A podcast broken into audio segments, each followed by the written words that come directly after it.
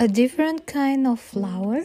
Author Debbie Lukito Guyardi. Illustrator Vanya.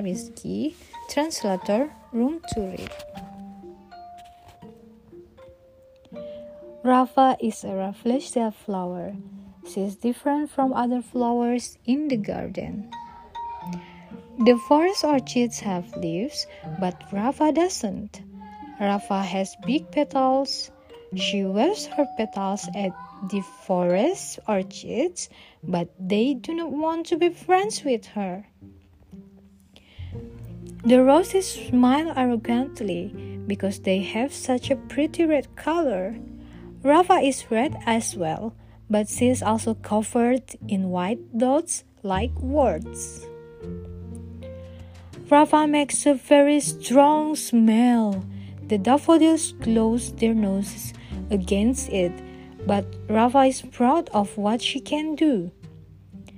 None of the flowers are very kind to Rafa, but Rafa doesn't mind. Rafa greets the butterflies and bees, but they only approach flowers with a pleasant fragrance. So Rafa just waits for her loyal friends. Who are they? One fly approaches, five flies come closer, then hundreds of them appear. Wow, it's a lot of flies. The flies greet Rafa joyfully. People take photos with Rafa. Wow, Rafa is famous. She is a different kind of flower and she is very glad to be one.